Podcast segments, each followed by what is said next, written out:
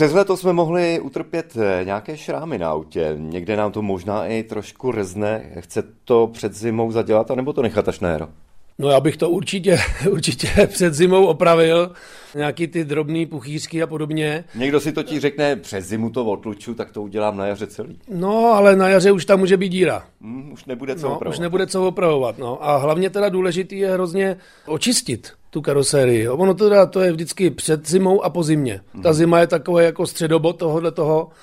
Takže eh, je potřeba velký důraz dát na to, umejt hlavně tady ty prostory za kolama, přední části Prahu a vlastně vnitřky toho předního blatníku. Tam totiž zůstává ta tam nečistota. zůstává to blátíčko mokrý, který tam zůstane celý léto mokrý a pak prostě to je problém. No. A pak právě ta díra pak je hned? Pak je ta díra hned a tam samozřejmě zase, eh, buď jsem nějaký trošku zručnější kutil, takže si sundám ten plastový podběh a umeju si to pod tím, protože normálním způsobem to neumejete. Hmm. No a pak je dobrý, ale to už je zase práce spíš pro servis, udělat tu antikorozní úpravu před zimou.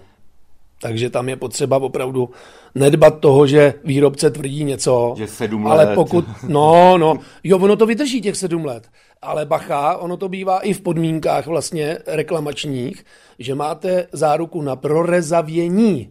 Aha. To znamená, že tam máte puchýřek, to není prorezavění. Prorezavění je Až díra díra. skrz. Takže potřeba se o to trošku starat, o tu karosérii. No. A z malého puchýřku časem, když se na to vykašlete, tak máte díru, že už to je na klempíře. Takže to prostě nezanedbat. Eh, Možná by nebylo marné před zimou, když to omeju, tak to navoskovat. Nějakou ochranu.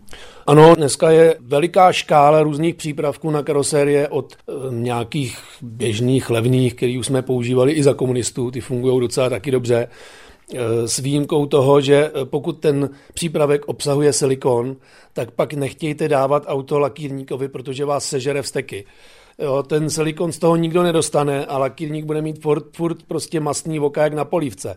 Ale jsou dneska uh, vosky, uh, kanabijský vosk je prostě jedna z nejlepších záležitostí. Je potřeba si s tím dát trošku práci. Když to chcete udělat poctivě, tak máte celý den co dělat a budou vás hodně bolet ruce. Ale rozhodně to stojí za to, protože ta karosérie je ochráněná a za čas, když se rozhodnete třeba to auto prodat, tak bude vypadat pořád jak nové a ne, že to je úplně matný lak.